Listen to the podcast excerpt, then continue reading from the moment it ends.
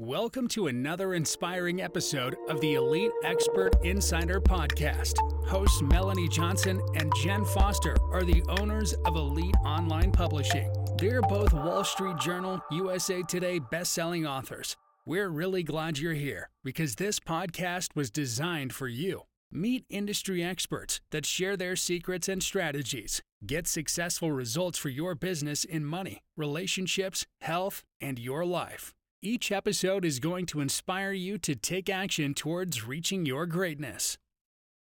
Hey everyone, welcome to another great podcast. This is Melanie Johnson, one of the co owners of Elite Online Publishing.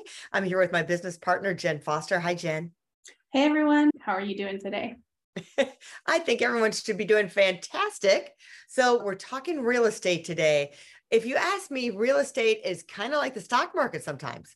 I mean, it's up, it's hot. We just had a hot supermarket. Now all of a sudden it's slowing down. Interest rates are up. What do you do? How do you position yourself? How do you know how to invest in real estate? How do you get the financing for real estate? So we are here with David Dodge. He is an expert. He has a podcast on discount real estate investing. He is going to teach us what he knows so we can be almost as smart as him. Thanks, David, for coming today. Hey, girls. Thank you so much for having me. So tell us, David, how you got into the real estate industry. Yeah, absolutely. So I got started in the real estate space when I was in college, actually. I had a couple different professors that owned a bunch of rental properties. And they were professors just because they enjoyed it. They didn't like, you know, they weren't teaching and being college professors for the money per se. They just enjoyed doing it. And I was like, wow, that's so cool that you guys can work but not even care about the money. Like you're doing it for fun, you know? And both of these, really three or four of these individuals, they were all in real estate. So I was like, you know what? I want to learn a little bit more about real estate. And when I was 20 years old, I just turned 38 last week. When I was 20, 18 years ago, I bought my very first property. And I used a strategy called house hacking. House hacking is where you buy a property and you live in one of the bedrooms, but you rent out the other bedrooms, or maybe it's a multi-unit, you know, duplex or three or four family or whatnot, but you live in one of them and you rent out the rest of those. And what that allowed me to do was live for free.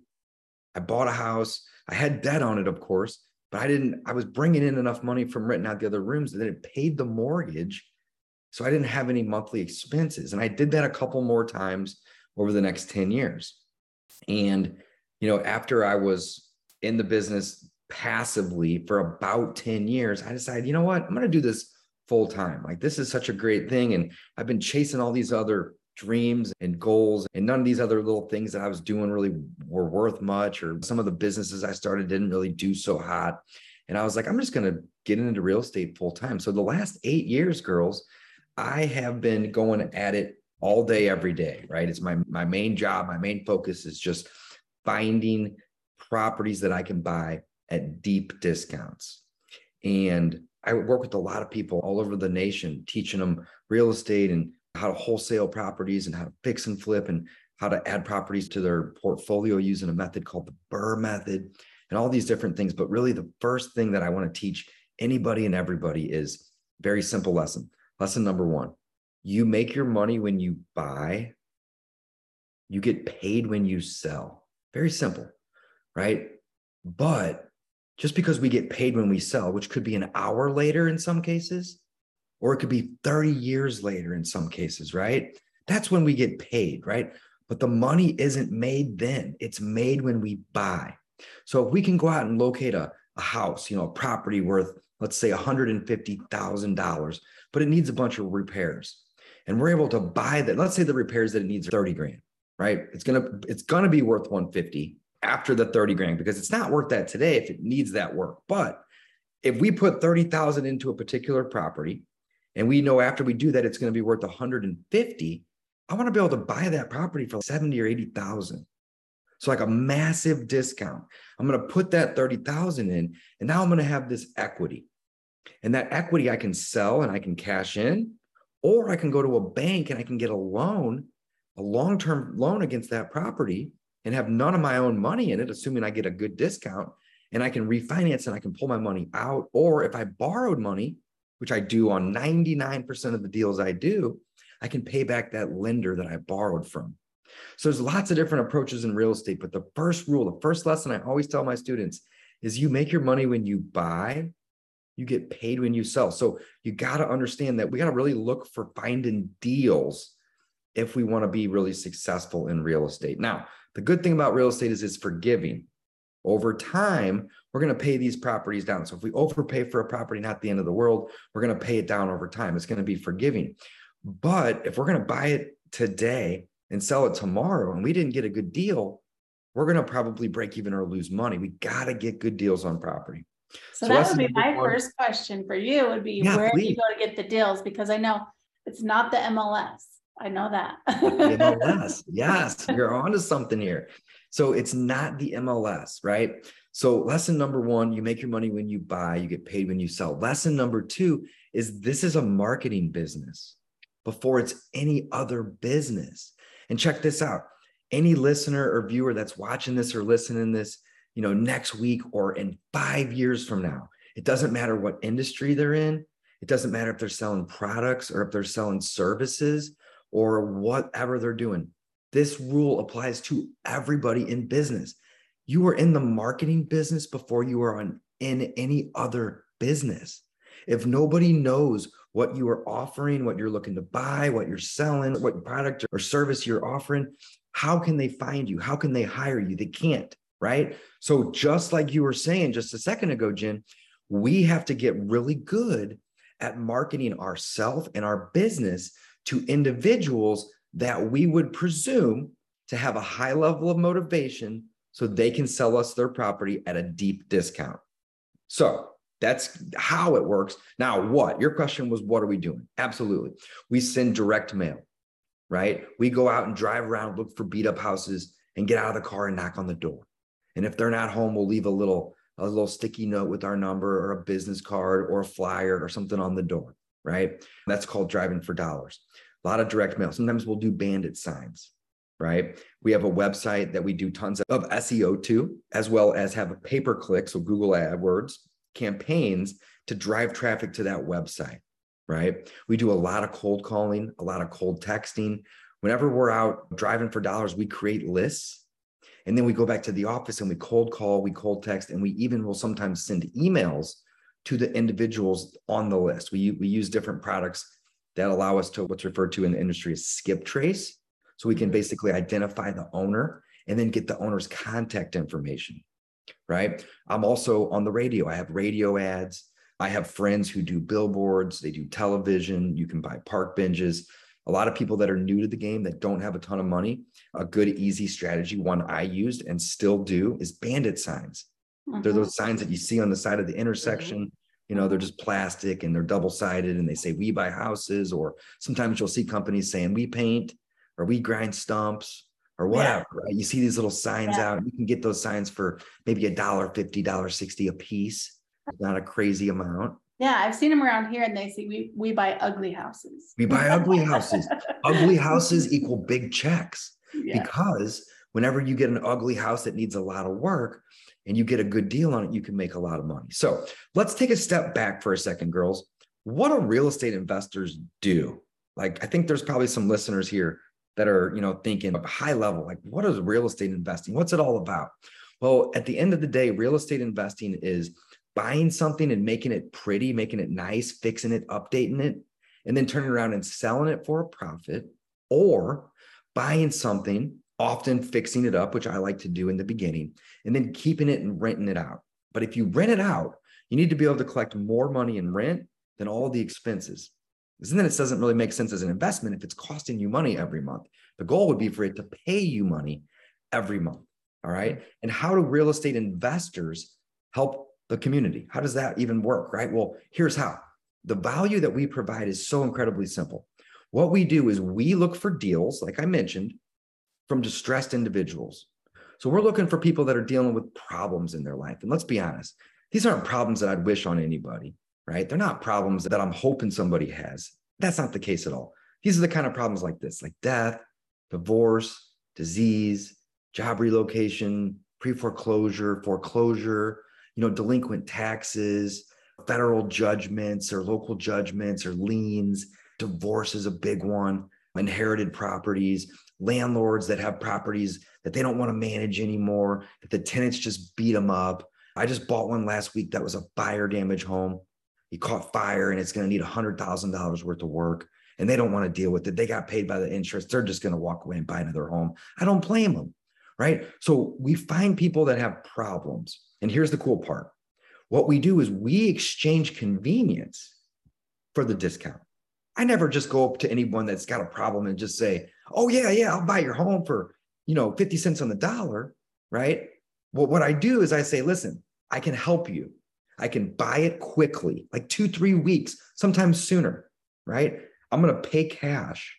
And then the most important thing that I can offer is I buy properties as is. And most investors do. We buy them as is. We don't want them to clean it, paint it, declutter it, no window repairs, no roof repairs. The way it sits right now today, with the bushes growing over the roof, is how I'll buy it. And in exchange for all those discounts, quick, cash, and as is, we, we let these individuals know that, you know, this is a business. This isn't a charity. This is a business. So we need to make a profit. So in exchange for all this convenient, you need to give us a good deal on the property. And if they give us a good deal or a big discount, then we're going to give them a ton of convenience. We're going to go out of our way to bend over backwards to make it so incredibly easy. I've helped sellers load moving trucks. I've paid for them to go move into apartments for several months at a time.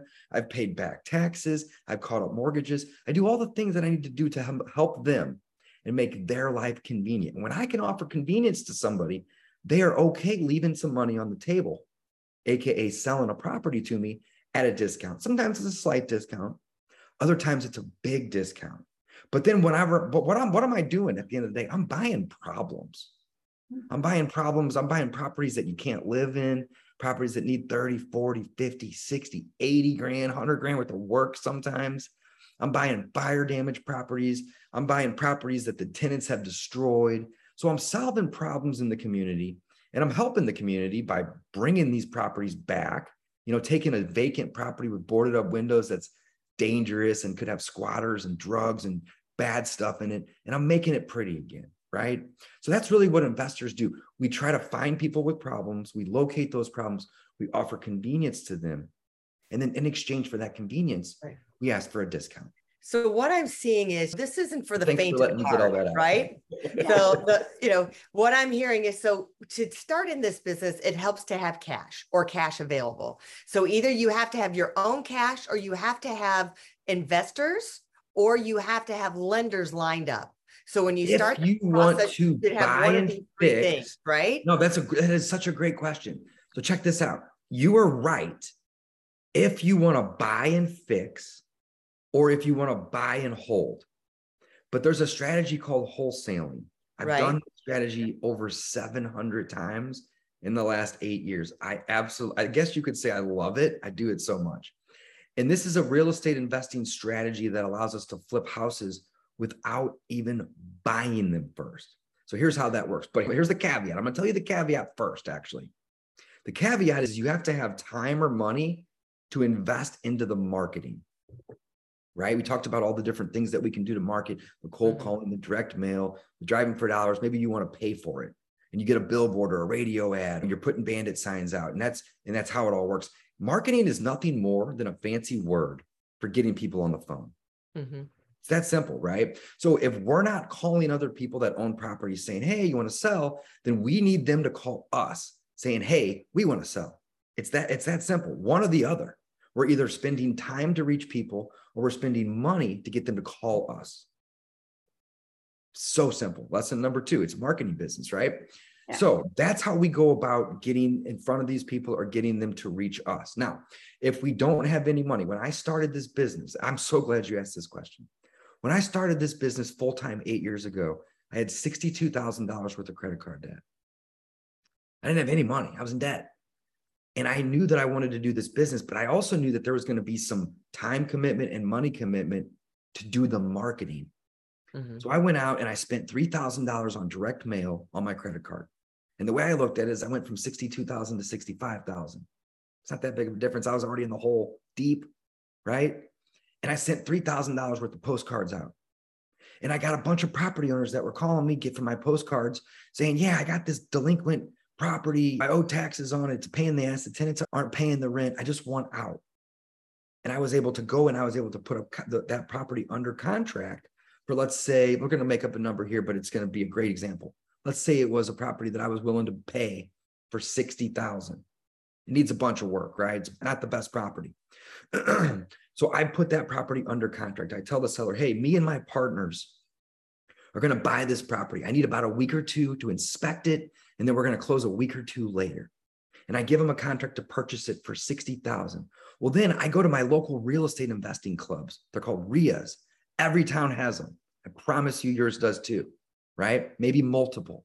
And there's going to be anywhere from 10 to 200 people that get together once or twice a month and they talk to each other and they network and there's agents there and there's title companies and there's investors like me and there's lenders and i go around that room and i say hey i got this property under contract for 60 you know it needs 20 30 grand worth of work but it's going to be worth 130 when it's all done does anybody here want this deal and somebody in the room will be like yeah dave i own a couple rentals in the neighborhood already i would love to buy this deal but what are you going to sell it to me for and i say well I'm paying 60, I'll sell you it for 70.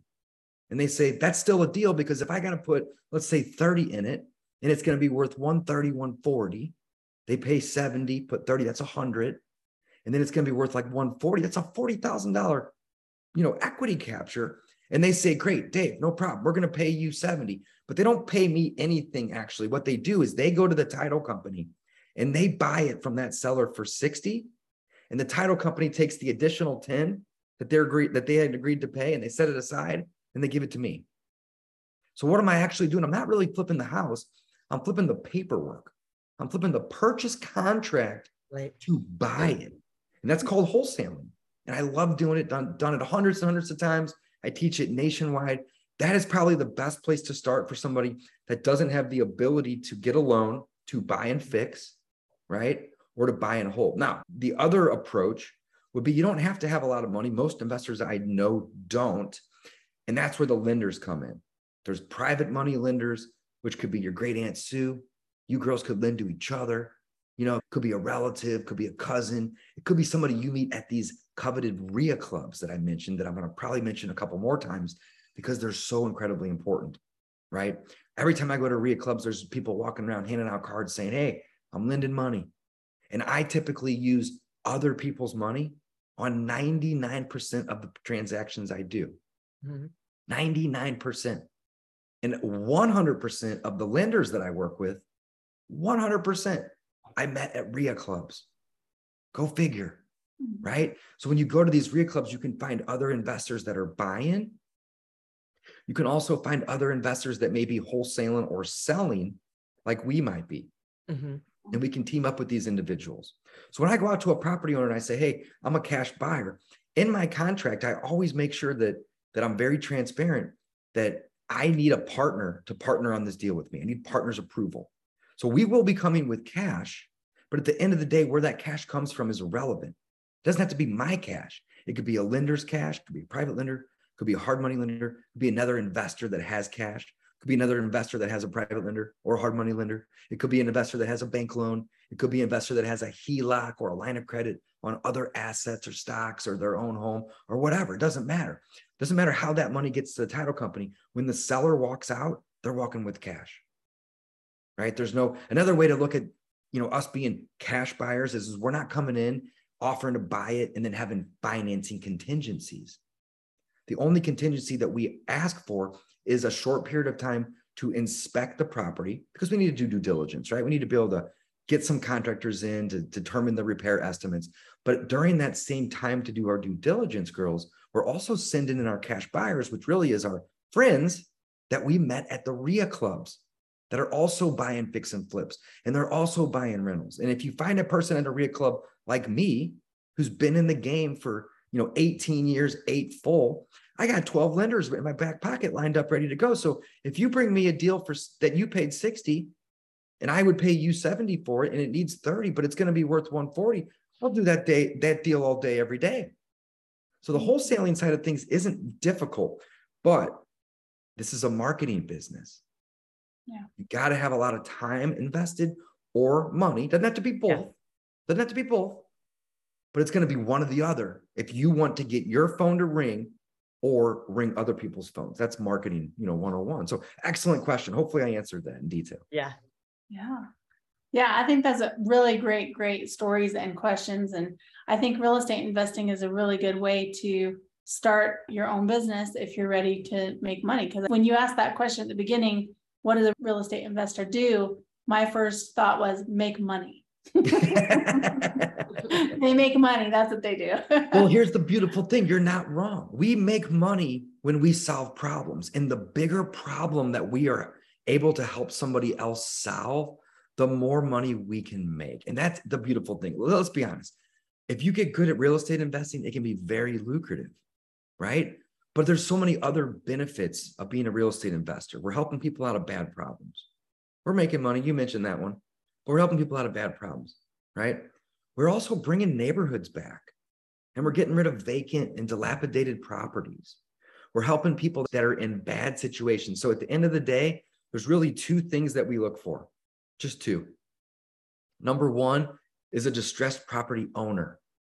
And it could be a million reasons why they would be distressed death, divorce, disease, very common. But a distressed property owner, if they're distressed, that means I can provide convenience to them. I can help them in some way and I can get a discount on, on a property. The other thing we're looking for is distressed properties. So it's distressed property owners or actual properties themselves that are distressed. And that's what the driving for dollars comes in. You get out in your car and you go look around for properties. What do you look for? You look for, you know, properties with tarps on the roof, boarded up windows, broken down cars in the driveway, landscaping growing over the roof, gutters hanging down, peeling mm-hmm. paint, you name it. We could go on and on, right? Any reason from the curb that you're like, man, they're not really taking care of that property. Let's send them a postcard or let's see if we can find out who owns it and call them and text them and say, hey, not trying to be weird, but we noticed that you own this property we buy properties in the area, like the bandit sign you mentioned earlier. We buy ugly houses. I don't typically say ugly when I'm talking to sellers, though. I'll say, hey, we, we buy houses in the area. We noticed that you own this one, and we just wanted to see do you have any interest in selling? If they say no, leave me alone, then we do that. We leave them alone. But if they say, Dave, I'm so glad you called. I inherited this property six years ago. I live in California. It's in St. Louis. I don't want to own it. I don't want to go there. It's a pain in the butt. I'm getting tax bills in the mail. It's a problem. And I say, guess what? I am an expert at solving problems for people. So let me make you an offer to get this problem to go away. And often, most of the time, I'm going to pay you to help you solve your problem. Hmm. That is the best sales pitch in the world. You can't beat that pitch. Yeah. Yeah. That's so great advice, Dave. You've given so much good content. Where can people connect and find your podcast? Yeah, absolutely. Thank you so much for having me, girls. So the name of my business is Discount Property Investor because that's what we do. We find properties at discounts and we buy them, we fix them up and sell them, or we rent them out for a profit. So discountpropertyinvestor.com is the name of my my website. It's also a podcast that I host. I've done 320 episodes on that podcast and we're doing one or two a week. I also have some courses over there and some and some coaching offerings. So yeah, go check that out. Discountpropertyinvestor.com. Awesome. We'll put that up in the show notes. Girls, Terrific. thanks so much for having me. You're welcome. So well, I hope you enjoyed this show. Remember, if you're thinking about writing a book, we guarantee all of our authors will become number one bestsellers, but we don't accept everybody and we have limited availability. But go over to our website, eliteonlinepublishing.com, and hit the submission button, and we'll see if we're a good fit. We'll see you next time and have a fantastic week. Bye. Hey, are you looking to increase your revenue, build credibility, and elevate your brand? This podcast is brought to you by Elite Online Publishing, an innovative publishing and full spectrum marketing company. They will publish and market your book to make it a number one bestseller. Becoming an author is the best way to market your business. So contact them at eliteonlinepublishing.com today. All of their authors become number one bestsellers.